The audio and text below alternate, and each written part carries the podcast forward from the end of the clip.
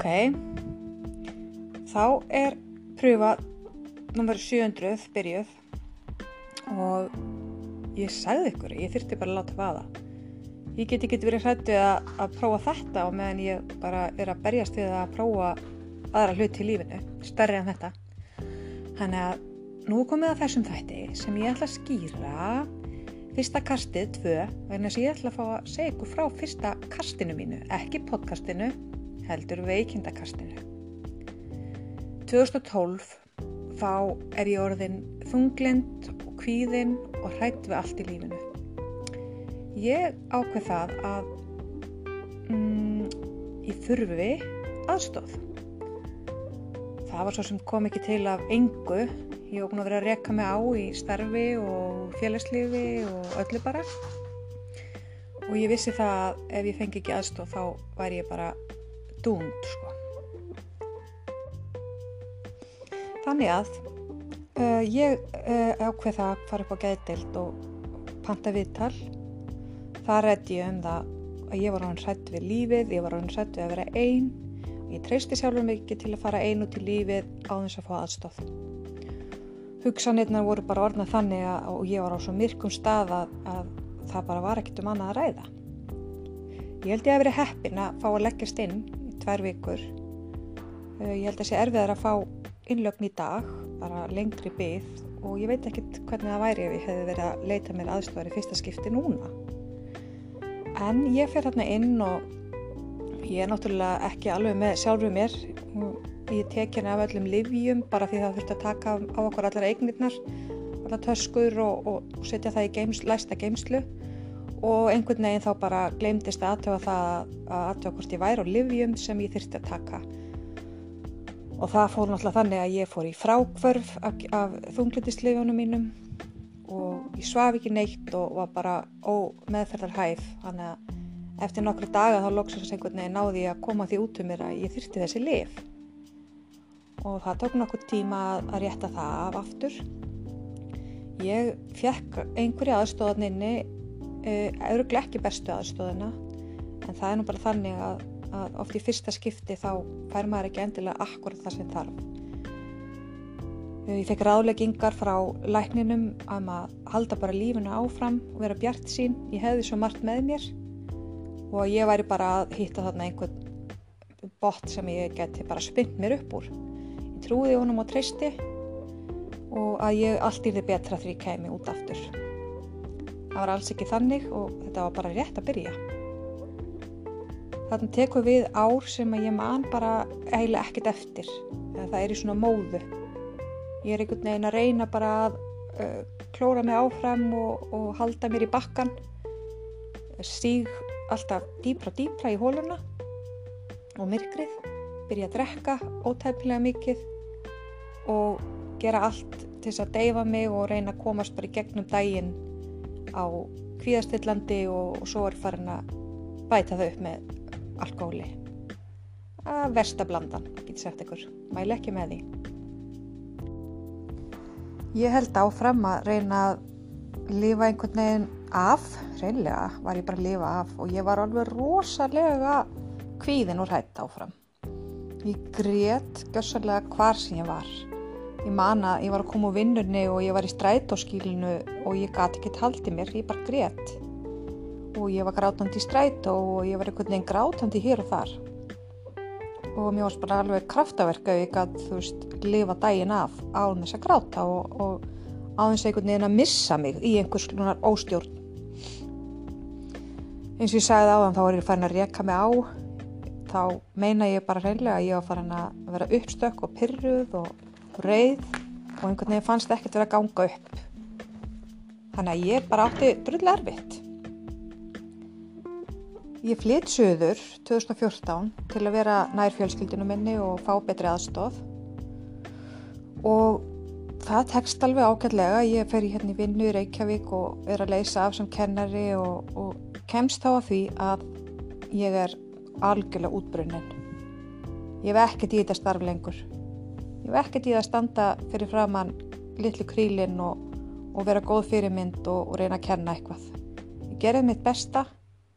Ég mætti illa og bara svaf ítla og, og var ennþá að, að sulla við að drekka allt og mikið.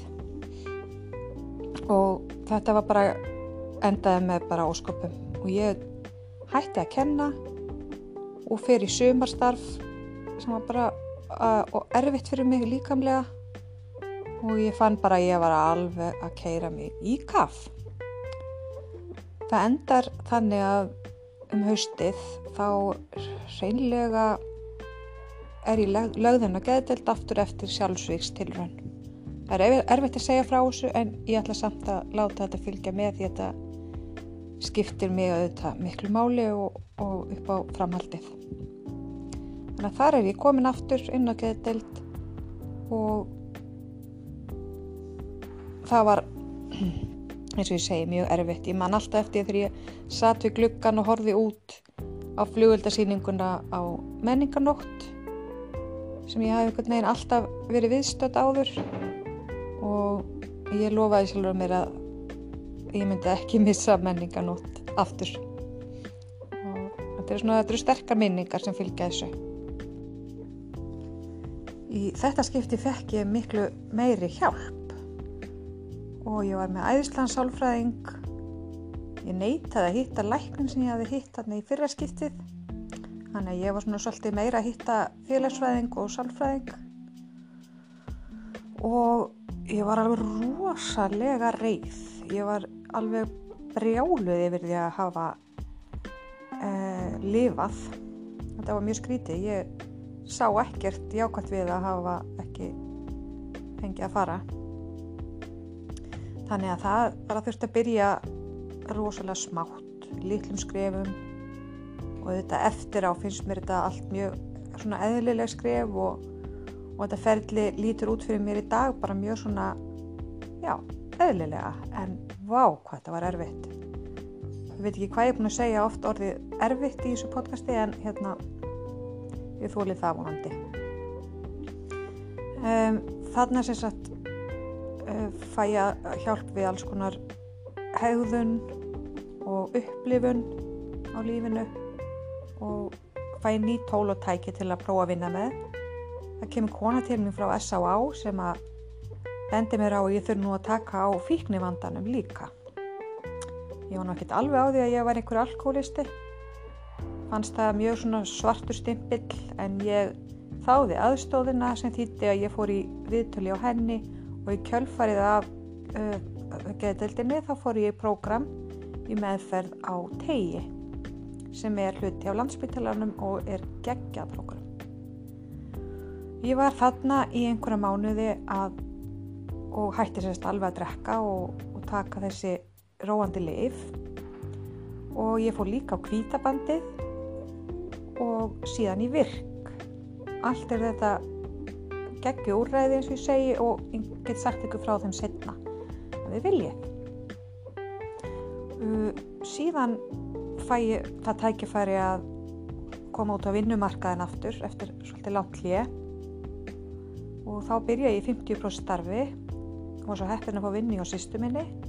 Og þar er ég ennþá á æðislegum vinnustaf það er ekkit allir svona heppnir sem að fara gegnum þetta ferli að koma strax í einhverju vinnu og geta unnið sér smátt og smátt inn aftur upp í 100% starf til dæmis eins og ég gerði. Eða 100% nám það fyrir eftir hvað fólk velur. Þarna er ég byrjuð að rekka aftur þegar ég fer að vinna á fullu held að ég sé nú komið með þetta og þetta hafi nú bara verið einhver fylgikvilli af, þunglendinu og kvíðanum og öllu þessu. Þannig að ég held að ég geti nú alveg ráðið við að fá mér í glas aftur. Það líða tvö ár þar sem ég er svona að bara einbita mér að ég geta unnið og vakna á mótnana og einhvern veginn að aðeins að lifta mér upp aftur. Og ég er að djama mikið og drekka mikið og endanum þá er ég fann að drekka hverju kvöldi bara hérna heima hjá mér sem þýðir það að ég er orðin dagdryggjumanniska ég keirði mig þarna út líka á þessu lífverðni þetta dugar þetta ekki nema skamt og gleðin var svo ekki til staðar lengur. Fyrir 11 mánuðum tæpum þá ákveði ég að ég sé komið nóg af drikkjunni og ég ákveði að hætta að drekka aftur. Fer á A-fund og er búin að vera þar síðan mjög mikið, ekki nógu mikið undarfærið en maður getur alltaf bætt sig. En fyrstu þrjá mánuðina var ég á hverjum degi á fundi og fer í tólspóra kerfið sem er algjör snilt og ég kem til með að segja ykkur meira frá þessu líka. Ég hlakka til að tala við fólk sem er búið að upplifa alls konar kreyfendi luti sem eru tilbúin til að deila með okkur. Við gerum þetta saman og ég fæ að heyra frá okkur ef það er einhver sérstakt sem þið viljið e, fá að heyrum eða fá að fræðast betur um. Þetta er lífið.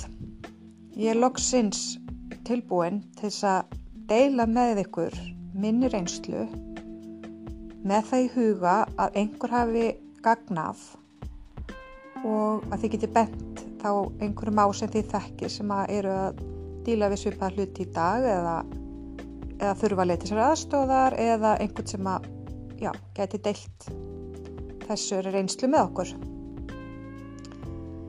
Takk fyrir þólimæðina að ég veit, ég veit ekki alveg þá hvað er búið að byrtast á þessu podcasti. Kanski er bara upphafið en kynningin og svo þetta en kannski eru fullt af einhverjum pröfum þar sem ég á bara eitthvað að prófa mig áfram. Ég ofta að komast að því. Eins og ég sagði, látum vaða, gerum þetta bara og sjáum hvað gerist. Takk fyrir að hlusta og heyrust á morgun. Bless, bless.